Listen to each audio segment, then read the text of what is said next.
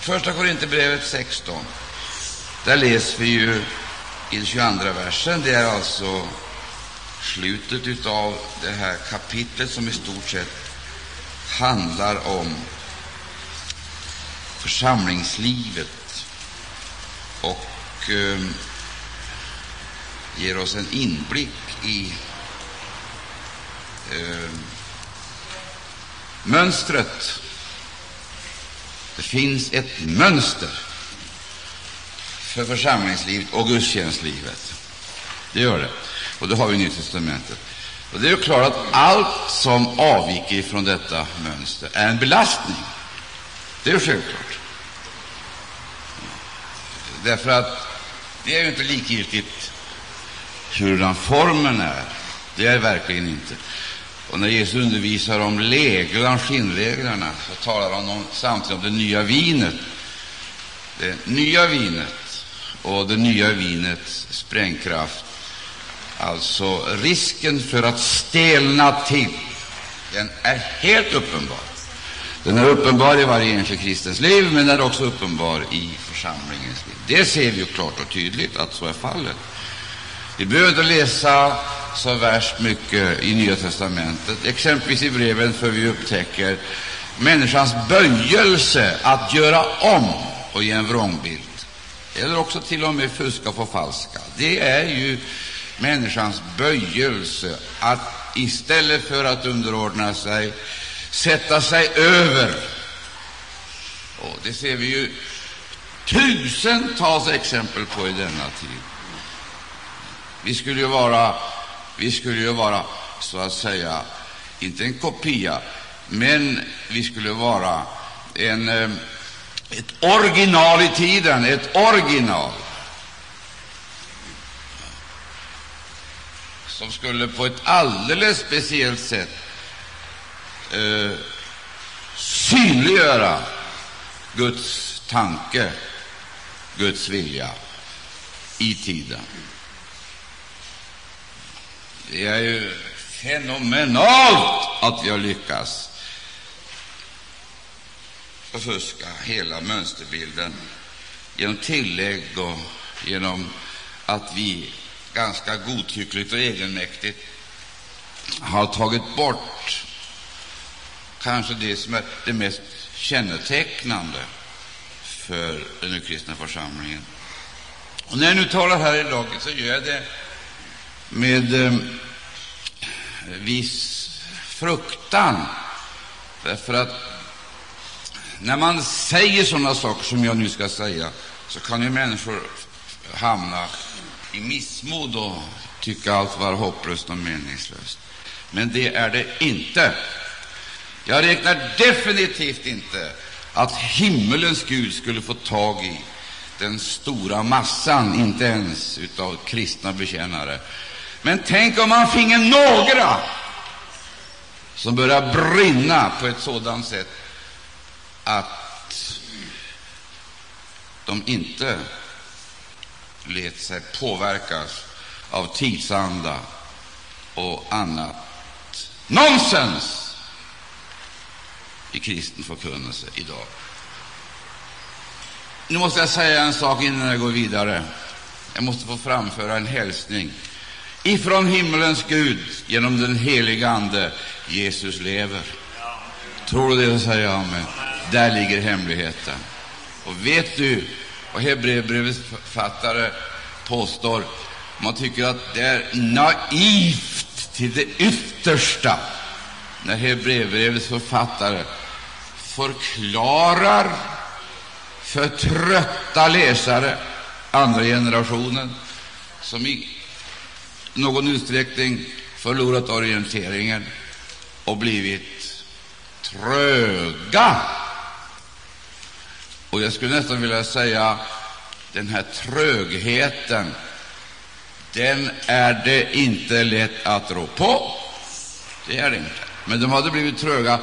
Och kan du begripa att dessa människor som hade sådana utomordentliga upplevelser, gudsupplevelser, för de hade ju faktiskt varit med i Jerusalem och hört, i varje fall hört genom, eh, så att säga, eh, bekännelser och vittnesbörd om dessa enorma händelser. Och det fanns fortfarande eh, kvar ett element i gemenskapen som hade dessa, jag vill kalla det för urpingstens upplevelse.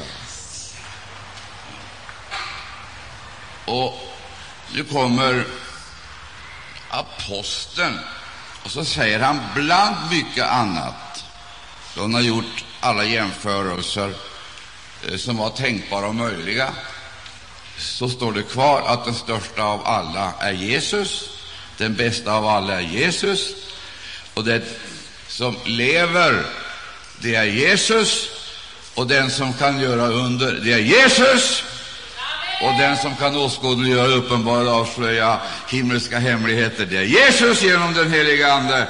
Och halleluja! Det stora problemet det är närheten till eller avstånd ifrån Herren Jesus Kristus. Antingen har man distans, Eh, det vill säga den distans som självbevarelsedriften dikterar, eller så har man närhet därför att man har förlorat sig själv, förlorat sig själv och upplever Jesus-förverkligandet, inte bara som ett ideal, men som ett liv. Nu ska du få höra här. Vet du vad han säger, den här aposteln, till de här människorna som har så rika erfarenheter och en sån kunskap, en sån utomordentlig kunskap. Människor som har varit med i Guds verk lika länge som ni har varit, en hel del av er. En del hade blivit ganska åldriga, men trötta. Det säger Bibeln om vår utvärtesmänniska, förgås och förnyas ständigt den inre människan. Stämmer det? Säger Amen. Det finns inga möjligheter att man kan eh, så att säga ge utrymme för världens idéer och människosyn. Vi ska aldrig dö. Och det skulle ju vara förfärligt om vi som har ett evigt liv ska brottas med de här vanliga eh, åldersproblemen. Ända in i ålderns höst skjuter de friska skott, står i den här Bibeln. Den är frisk över alla kristna. Den är frisk över alla levande. Det är friskt över överallt Maranata-folk som inte har blivit trött av vandringen. Det är något friskt över det folk som älskar Jesus, lever för Jesus, ser på Jesus, följer Jesus, fylls av Jesus och sjunger hans lov utanför lägret, iklädd smededräkten. Pris Gud. Ja, vi får tacka Gud för allt, eller hur? Det är ju lite kallt här idag. Jag förstår att ni fryser. Jag bara säger det där därför att jag talar om trögheten och våra sätt att dra felaktiga slutsatser av allting. Vi kan inte gå på mötena därför att det är för varmt, vi kan inte gå på mötena därför att det regnar, vi kan inte gå på mötena därför att det är för kallt. Det vill säga, vi har alltid förevändningar och förhinder. Alltid förevändningar och förhinder. Och därför blir det så här, om någon talar i tungor, eh, eh, så måste han först ta reda på om det finns någon uttydare närvarande. Den stora risken är att gåvornas bärare är frånvarande, och därför kan gåvorna aldrig brukas. Det är det som är den stora risken. Och förresten, vad sysslar de med? Ja, det är så genant så det vill man inte säga. Men nu är vi här! Har du inte blivit en bärare av Andens gåvor, så får du se till att du blir det, därför att Bibeln säger att vi ska vara ivriga. Sant? ivriga. Jag ser ju människors iver, exempelvis eh, för Penninglotteriet, Lotto, bingo, jag vet inte allt eh, vad man kan vara ivrig. Och vi ser ju här ivern, människor drar iväg med väldig fart förbi här därför att de hoppas på, vad då, tror du? Hoppas på att vinna. De knappast ser det här jättehuset. De knappast ser människorna därför att de är fullständigt, fullständigt intagna utav det här penningbegäret de ska vinna. Nå, nu är det faktiskt på det här sättet att aposteln, han säger som jag skulle kalla det för en nyckel in i den värld man måste komma för att återerövra förlorade världen. Förlorade världen. Vad är, det som, vad är det som åstadkommer trögheten? Vad är det som åstadkommer passiviteten? Vad är det som åstadkommer vanmakten? Vad är det som gör att man ställer frågor, felaktiga frågor på felaktiga sätt på felaktig tid? Naturligtvis därför att man är desorienterad, förvirrad och förvildad, därför att man har blivit injicerad eller påverkad av den ande som kallas antikrist ande, världens ande, påverkad influerad av Gud, men icke den levande, sanna Guden, utan av tidsålders Gud.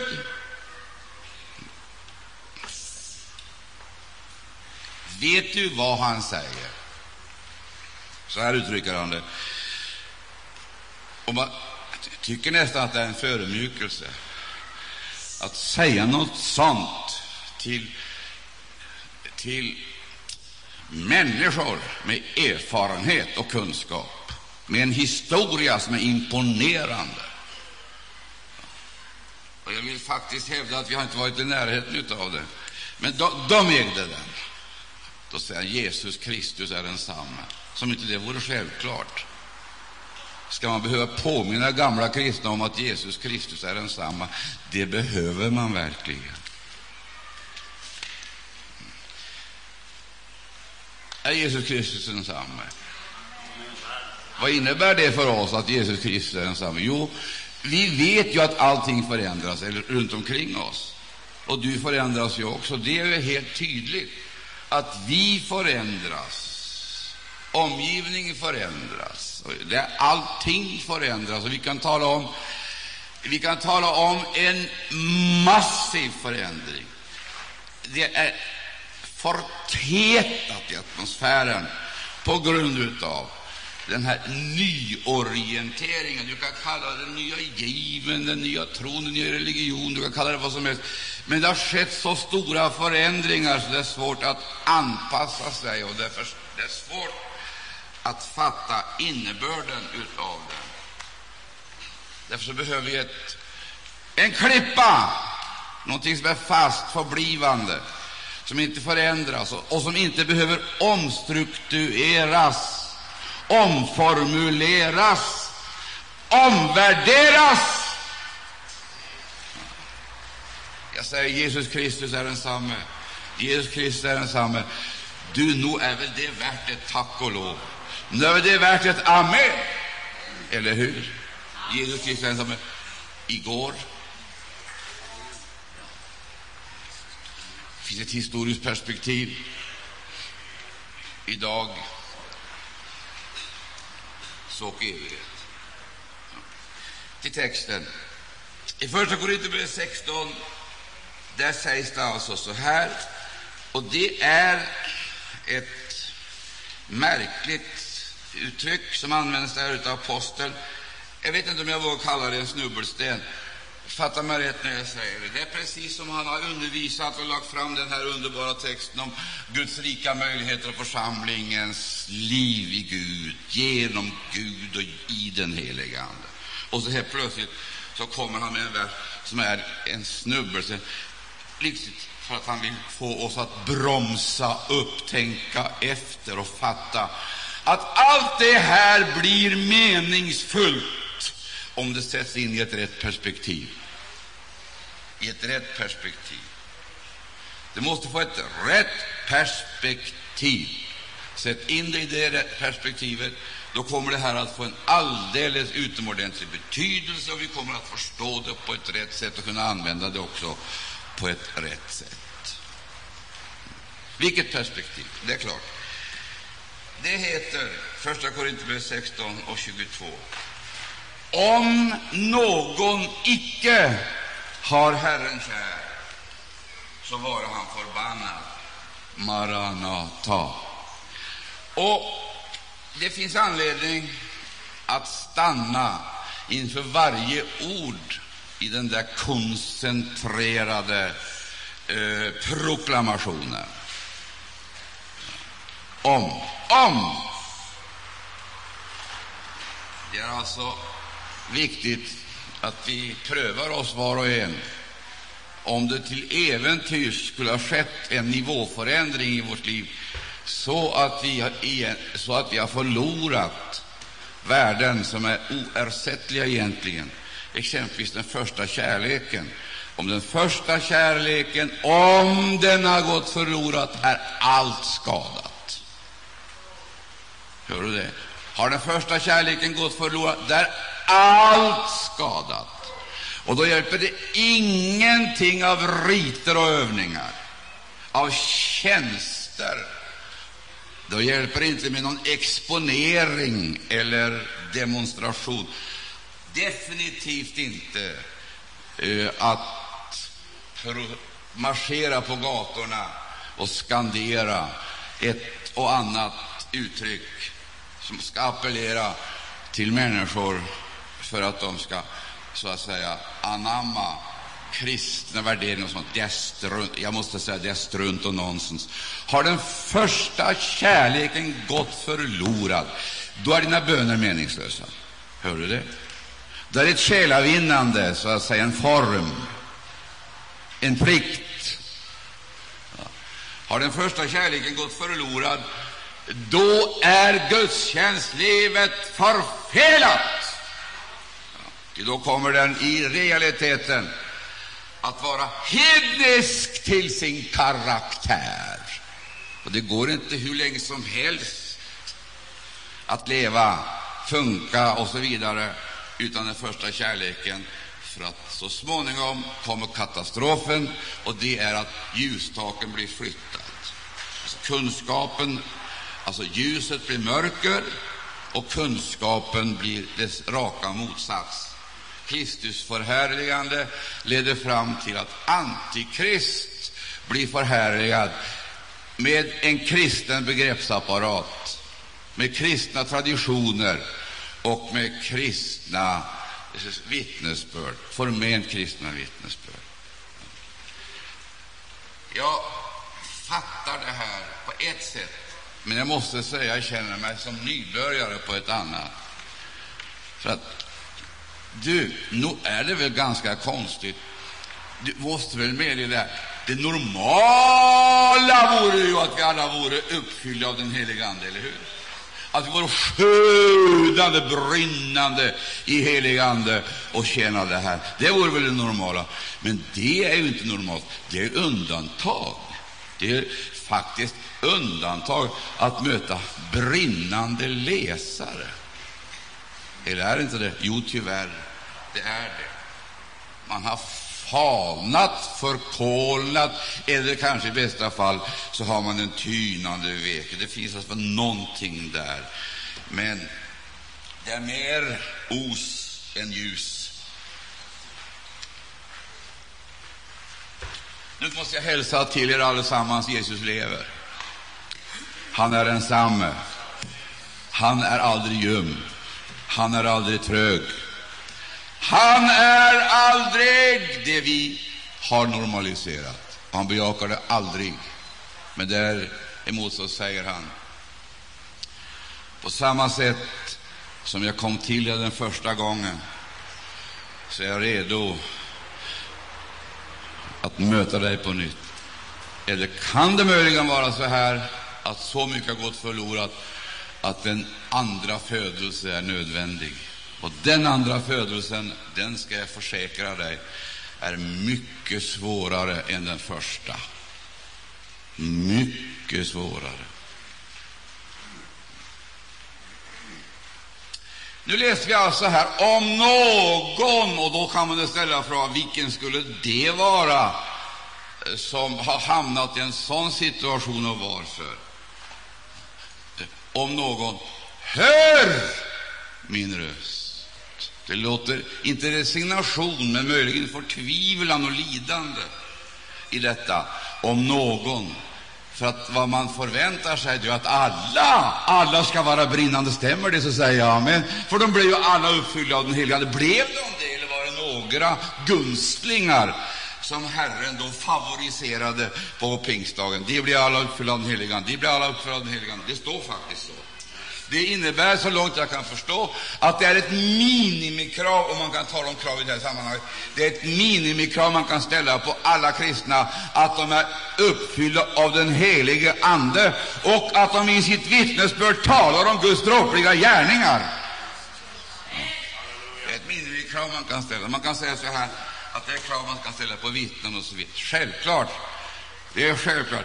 Och denna andefyllelse den är så säregen och utomordentlig att den förenar människorna och gör dem till bärare utav något himmelskt och gudomligt. Ja, käre, ja, gode Gud, det är så gripande det här. Då trädde Petrus fram. Så står det, eller hur? Står det så? Nej. Ja, han gjorde det jämte de elva. Och så talar tolv eller elva, ja, tolv med en mun, med ett hjärta och en själ. Det är det som kallas för endräkt, enhet, icke ekumenik, glöm det. Det är det som talas om det är detta som är ett Andens verk, som vi aldrig kan skapa, därför att vi är individualister ända långt in i fingertopparna. Och vi vill gärna ha gåvor, många gånger för att missbruka den eller bruka den för vår egen karriär. Vi vill göra oss ett namn, eller kanske göra oss en ekonomi, och vi vill skaffa oss en position eh, som mest av allt är en åstundan att komma undan de människor vanligtvis får böter. Ja. Tänk om vi slapp undan Ja, vad är det vi vill slippa? Det är så mycket. Gud, må, må Herren Jesus Kristus hjälpa oss. Det den kristna församlingen representerar, det är helt unikt och enastående. Helt unikt, det vill säga, det är någonting helt ojämförbart. Det finns inga analogier, det finns inga jämförelser. Men på samma sätt som den kristna församlingen är något enastående, den är brinnande i anden och tjänar Gud, så blir den något enastående då den är ljum. Den är ojämförbar med allt annat i tiden, allt föreningsliv och så vidare. Det kan ha demokratiska, eh, demokratiska mönster och former. Det kan vara humanism, filantropi och vad som helst. Och det ser relativt mänskligt ut, och det är väl det också. Men då den kristna församlingen sjunker ner på föreningsplanet, då blir det en dementi istället för en konfirmation och bekräftelse. Och denna demot, de, dementi den är så ödesdiger så att är detta Satan mer än någonting annat önskar. Han önskar inte sätta igång en förföljelse om det inte är absolut nödvändigt. Det är det sista han åstundar. Men det han verkligen strävar efter, det är att med diplomatiska, psykologiska, politiska medel få församlingen ner på horisontalplanet, ner och upptagen och sysselsatt med alla de frågor som anses vara betydelsefulla för tiden. Få församlingen ner i ljumhet, i tröghet, då blir församlingen en bastion som ställer sin kunskap, ställer sina gåvor i antikristtjänst och kommer att andas tvivel i sin förfärliga situation. Och himlen deklarerar, himlen har aldrig sagt att den ska utspy världen ur Guds mun, eller Jesu mun. Men därmed har den sagt att den vill utspö, så att säga, ljumma. Ljumhet är Guds kräkmedel. Gud avskyr ljumhet och likgiltighet. Och han vet att världen den blir egentligen aldrig ljum. Den är intensiv, aktiv i sin i sitt sätt att vara, leva och agera. Aktiv. Ljumheten är oförlåtlig. Den kan förklaras, men den är helt oförlåtlig.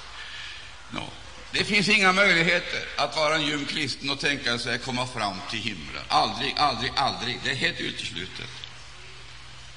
Det är helt uteslutet. Och ändå så måste jag säga det är någonting frapperande att konstatera att ljumhet är vanligare. Och det sammanhänger med, får jag se på det, något utav det, jag skulle vilja säga, starkaste vapen som vår fiende har. Det starkaste vapnet. Vad kan det vara? Och vi har naturligtvis våra föreställningar, och de har vi övertagit okritiskt utav den kyrka som mer än någonting annat har varit kristendomens stora fiende. Man frågar idag vem som är skökan. Det är frågan att ställa när skökan så att säga, har blivit så fräck som bjuder ut sina tjänster på öppen gata. Hon sitter i sina utställningsfönster som i Hamburg visar sina behag och sin skönhet och sin härlighet för att locka fram och ägga. Vad då för någonting? Vem är det som äggar exempelvis alla de här förunderliga böjelserna i vårt väsen? Vem är det som gör det? Vem är det som fördärvar jorden? Inte världen, för den är redan förstörd. Men vem är det som fördärvar jorden? Vem är det? Svara mig på det. Bibeln har svaret. Synden den är personifierad, gestaltad och synliggjord i den kristna församlingens absoluta motsats. Men låt mig få säga det här till dig. Det, det, det är ju frapperande att det är så fruktansvärt svårt att eh, analysera, definiera, dra de rätta slutsatserna. Och vad är det som utgör detta mäktiga vapen? Jag ska berätta en sak för dig. För några år sedan så läste jag eh, en eh, eh, rapport ifrån ett forskarlaboratorium. Och då beskrev man det nya vapen man hade uppfunnit, nukleärt. Det handlade om gas. Därför att alla har ju varit bekymrade över det totala krigets fruktansvärda följder för civilbefolkningen. Och man har försökt på olika sätt att hitta något som skulle kunna dämpa effekterna och resultaten. Man har arbetat intensivt för att dämpa den här förfärliga dödsmaskinens konsekvenser. Och vet ni vad som hände för några år sedan? Då var det en forskare som hade kommit på att man kunde lösa det här genom en gas som man så att säga då bombade över vissa bestämda områden. Det var inte senapsgas eller den dödande gasen. Det var en gas som sövde. Sövde.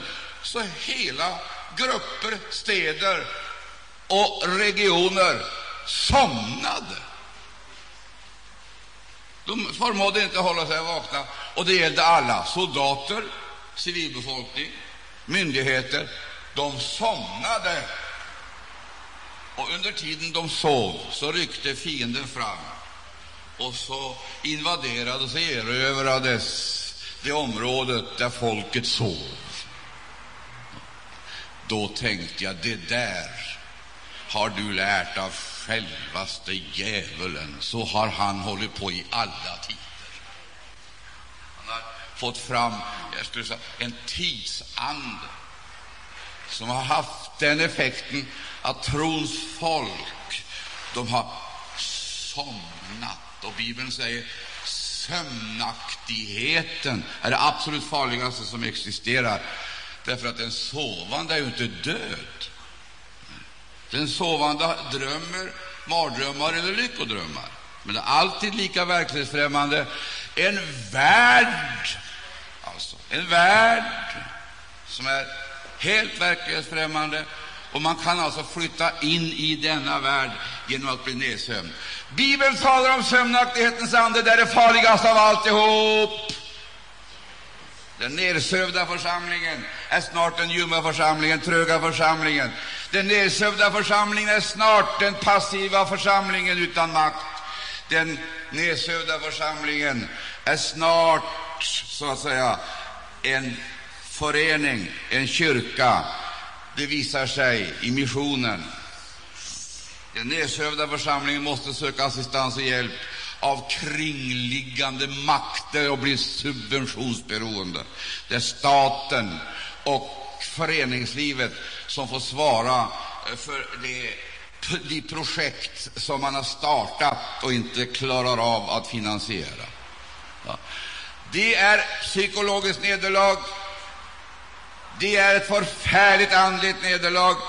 Det är en fattigdomsbevis, för att inte säga en dödsattest.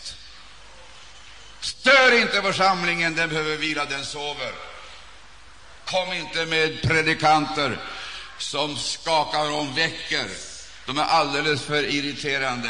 Nämn inte Jesu tillkommelse! Vi mår så gott, vi har det så bra. Disponera vår tid efter våra egna önskemål. Är den här, riktig, är den här beskrivningen riktig så är det förfärligt. Du förstår att sömnaktigheten den innebär i realiteten att man med seende ögon ingenting ser. Tänk du, att ha ögon utan att kunna se. Vet du vad det kallas? Då är man blind. Ja. Ja. Fartblind eller någonting annat talar vi om, men det här är en blindhet av en helt annan karaktär. Och man blir ju så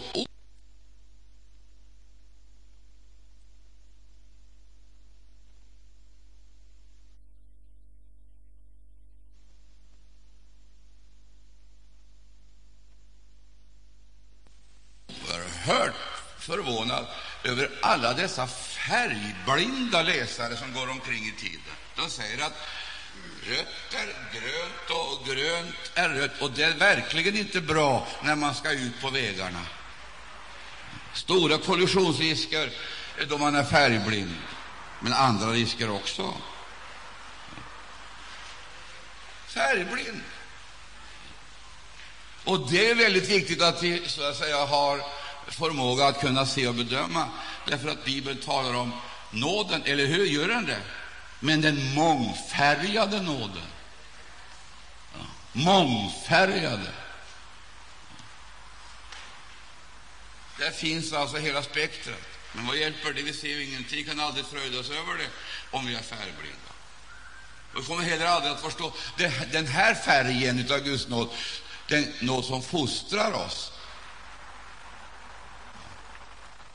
För vi har övertagit alltså den lära om nåden som teologerna har presenterat. Men här finns det en färg av nåden. Den fostrar oss till att avsäga oss vad då all ogudaktighet. Står det så i Bibeln? En fostrande nåd. Står det så? Det är de som gör allt vad de kan för att komma undan fostran, och därför så kommer de aldrig loss. Aldrig. Aldrig. De kommer att hålla på att dansa fram och tillbaka, upp och ner, därför att den fostrande nåden aldrig så att säga får tag i dem. De är färgblinda. De har inte sett den mångfärgade nåden och fattar inte det här, den här delen av spektrat, att om man inte låter sig fostras av Guds nåd, då kommer konsekvenserna ganska snart att inställa sig. Man blir ett kadaver.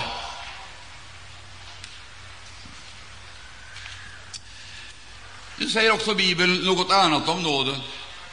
Det står nåden som vi står i, inte ligger eller faller, men står i, upprätta. Det talar om att nåden åstadkommer stabilitet och inte ryggradslöshet, blötaktighet. Det, det finns i vår tid en modern kärleksförkunnelse och en modern tillämpning av denna kärlek som är så antikristisk. Den vill hävda, den vill göra gällande att kärleken frigör, vilket den naturligtvis aldrig kan åstadkomma. Kärleken frigör aldrig. Aldrig! Och denna förfärliga förkunnelse präglar många kristnas liv idag, därför att de tror att eftersom de känner kärlek, upplever kärlek, kan ge kärlek, då är de frigjorda, vilket naturligtvis är nonsens. Det enda som frigör, det är sanningen. Det är sanningen. Men det som håller ihop de befriade, det är kärleken. Det är kittet i gemenskapen. Det är kärleken. Tror du det, så säger jag med. Och det är den här kärleken vi behöver. Men så sägs det så här, eftersom vi är varandras lemmar, är vi det, så säger jag amen. Eftersom vi är varandras lemmar, är vi det, så säger jag amen. Eftersom vi är varandras lemmar, är vi det, varandras lemmar. Det finns väl ingen som helst tanke eller någon som helst tro på att den högra handen skulle försöka förföra den vänstra. Det finns väl ingen som tror att armen skulle försöka att vilseleda foten. Aldrig. Det är en organisk enhet. Det hålls samman genom det bistånd varje led giver. Kroppen är ju inte ett led, men det är rätt viktigt att varje led sitter där den ska göra. Det är ingen som kommer på idén att ta det här ledet och sätta det på knät och ersätta knäled med det här fingerledet. Det är helt otänkbart. Och det är ju heller inte så att när kroppen kommer till så har kroppen ett sammanträde om vilken ska vara vilken, vad som ska vara fot och vad som ska vara ben. Det har ordnats i själva konceptionsögonblicket. Så ordnades det. Och när kroppen föddes så föddes det inte fram en lem i taget som pappa och mamma försöker få ihop för att skapa en kropp. Och nej, och nej, och nej, och nej, det föds hela kroppen. Och den kroppen är fullkomlig, ska du vara lika fullkomlig som den vuxna kroppen är, men den är inte mogen. Det är den inte. Den ska utvecklas, växa upp, växa upp. Du, man talar om församlingstillväxt, så man bryter sönder tungan. Och man arbetar för församlingstillväxt, så man tror att bara vi gör si, bara vi gör så, så använder man då alla de psykologiska metoder och all den reklam som överhuvudtaget finns att köpa till relativt hyggliga priser för att man ska kunna rekrytera, rekrytera. Jo, försök. Du rekryterar säkerligen, men inte till Guds rike. Det behövs någonting annat än vanliga ekonomiska, tekniska, reklammässiga eh, metoder. Tror du det? Tror du det? Vad ska till då? Ja, det förstår du. Det är befruktning! Jag vet inte, men jag känner jag måste ropa. Och du vet ju vad en befruktning är. Det är ju resultatet. Det vet du ju. En förening mellan två älskande parter. Det skulle jag vilja dröja ytterligare, för det här är så oerhört viktigt. Sen så kommer ju allt det andra.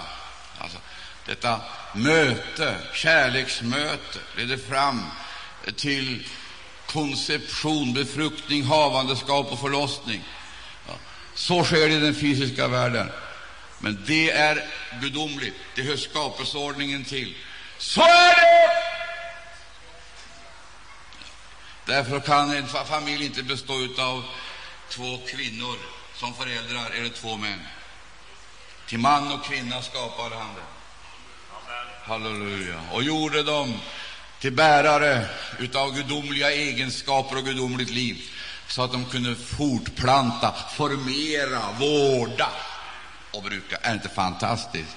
Och alltsammans det här har vi på ett eller annat förstört därför att vi har försökt att frigöra själva lustmomentet ifrån kampmomentet.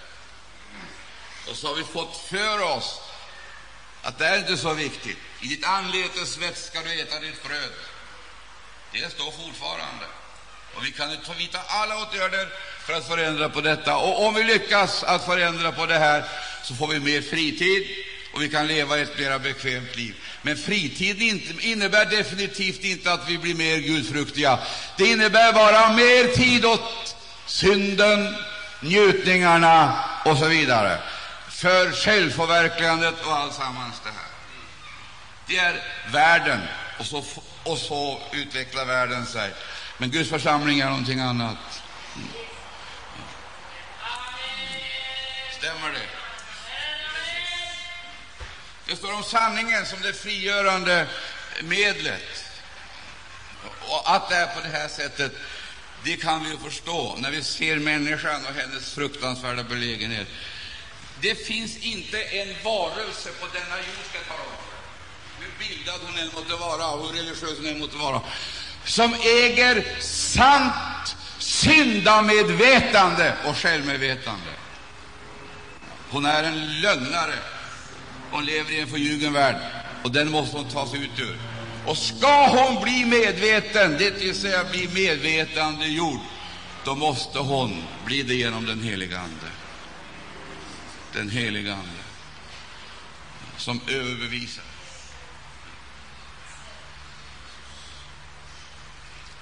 Jag bara vill poängtera sanningen gör frigörande, så säger jag amen. Och, och sanningen är inte en doktrin. Det är inte en samling paragrafer. Sanningen är personifierad i Herren Jesus Kristus. Vad vi behöver det är inte möta sanningen i, i eh, olika, i olika eh, eh, proportioner. Vi behöver sanningen. Vi behöver möta Jesus.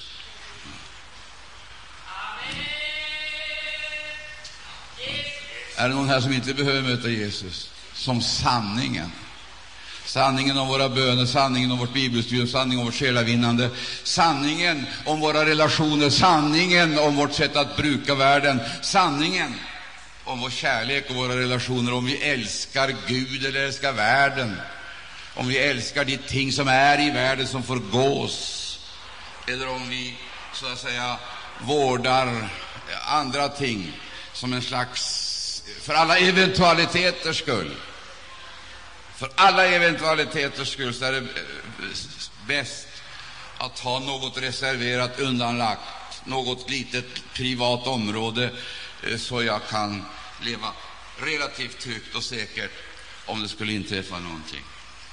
Jag ska inte fortsätta med det, jag bara konstaterar vi behöver möta Jesus så att vi får en rätt syn på oss själva, Guds verk, på världen, få en sann syn på Gud och en absolut sann syn på nåden, den fostrande nåden, den stabiliserande nåden, ja.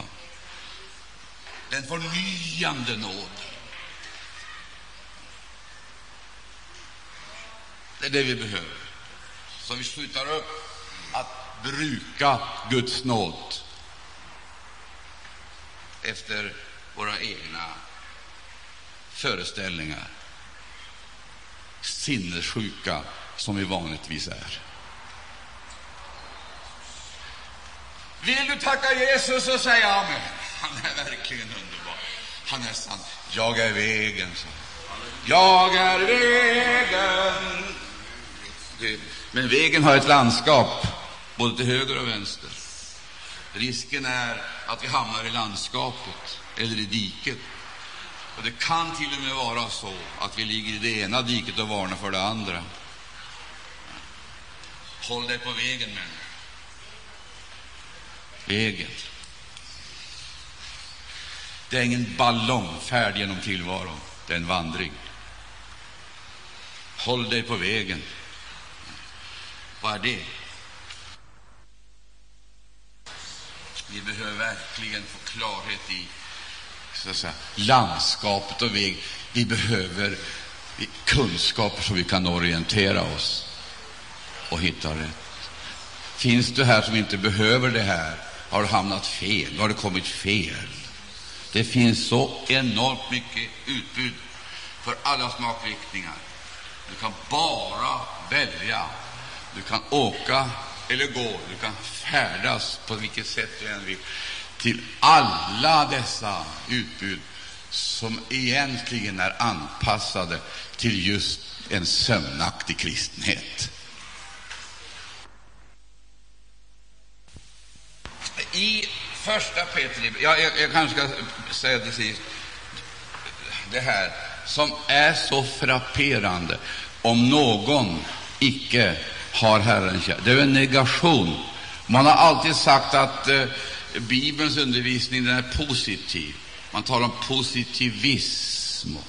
Till detta så talar man om en hel del andra mycket förnäma ting som gör att människor ska trivas. Positivismen den har inga negationer. När Jesus säger vägen är smal, säger Jesus, då säger de oh nej, så smal är den inte. Så arbetar man med sin religiösa ingenjörskonst för att bredda vägen och göra vägen till en autostrada där man inte behöver gå längre utan kan rulla fram i limousiner religiösa limousiner med barskåp. Ja.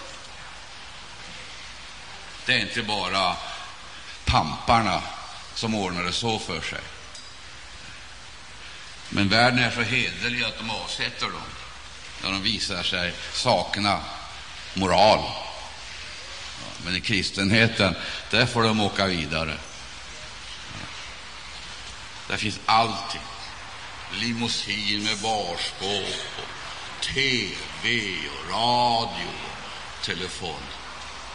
Och så säger man full fart till Nya Jerusalem. Försök. Det finns ingen autostrada till Nya Jerusalem. Gör det inte. Och du ska veta att där är gränskontrollen skarp. Där måste du ha dina handlingar ordnade och saknar du ditt pass, mm. då kommer du aldrig in. Aldrig. O nej, dessa autostrador som finns i tiden, de går vad då ifrån? Var går de ifrån? De går rakt genom hela historien. Rakt genom hela historien. Har funnits mycket, mycket tidigare, långt tidigare än exempelvis de autostrador som vi ser nu. uppkomna under det här seklet. Var går de ifrån? En sak är i varje fall säker, att de inte slutar i Nya Jerusalem, utan i Babylon. Där slutar de. Men vägen, den är smal.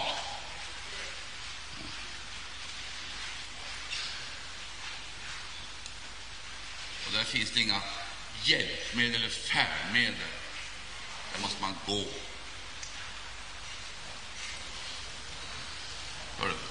Men vägen har landskap, och jag har en känsla av att många har gett sig ut i terrängen. De har fångats av någonting, som de tio jungfrurna som gick in i huset, värdshuset, därför att de blev trötta en liten stunds vila och så vidare. De hade ju inte tänkt att de skulle bli kvar där så länge. Och det, jag säger på det här.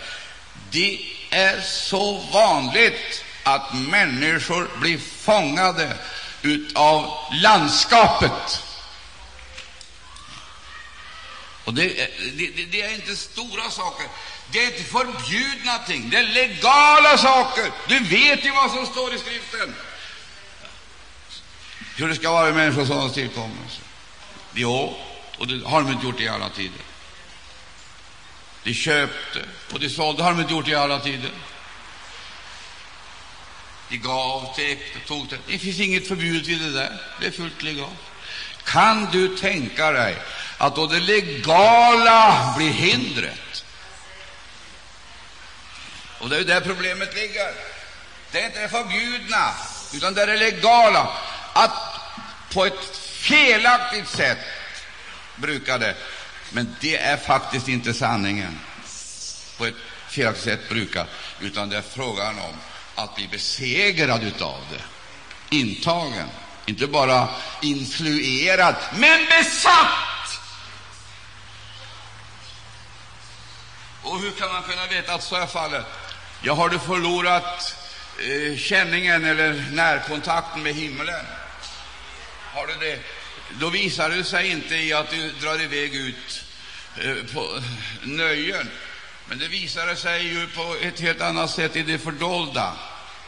Det, det fördolda, eh, som ju inte kan testas med några eh, mätinstrument där det behövs andebedömningens gåva för att kunna genomlysa, en eh, laserstråle för att hela och ett röntgenfotografi för att diagnostisera.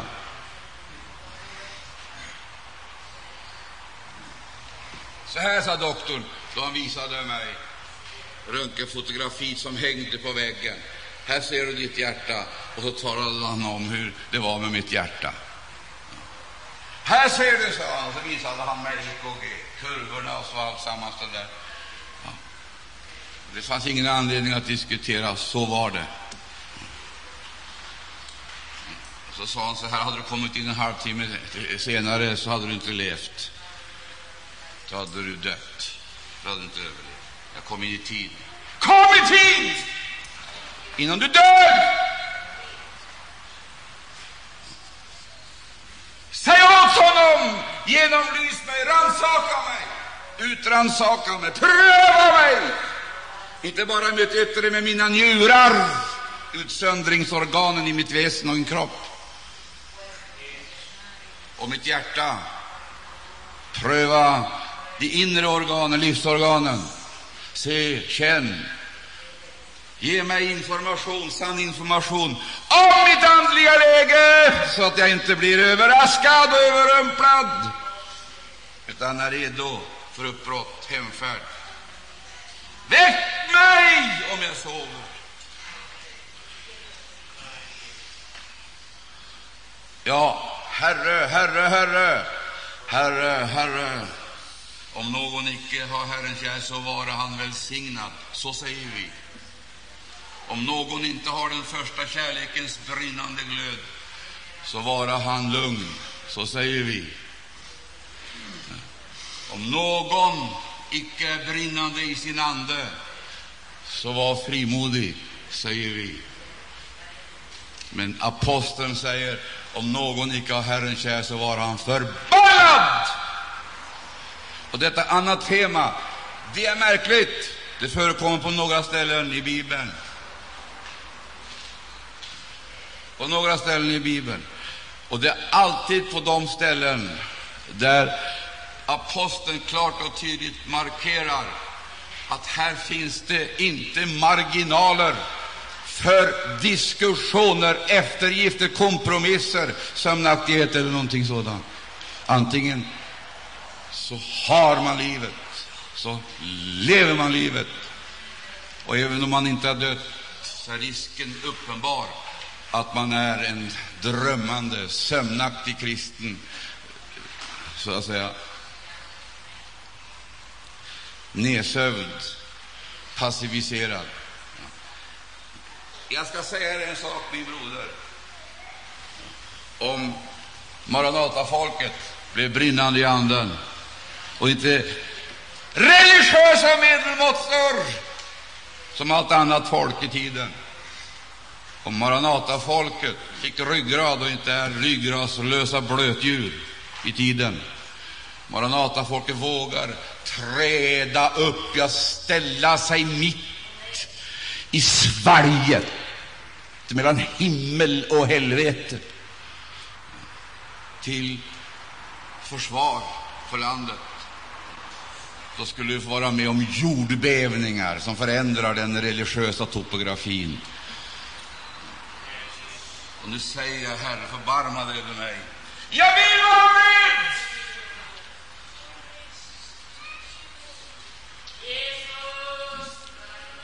Jag tänker inte leka blindbock med en religiös hop som vill ha roligt.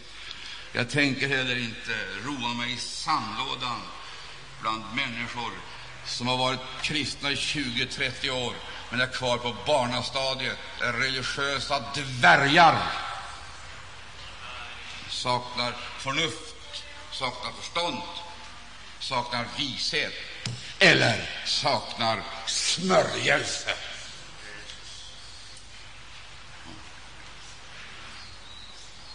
Vill du vara en sån här religiös medelmåtta, ursäkta uttryck, gå hem och lägg dig.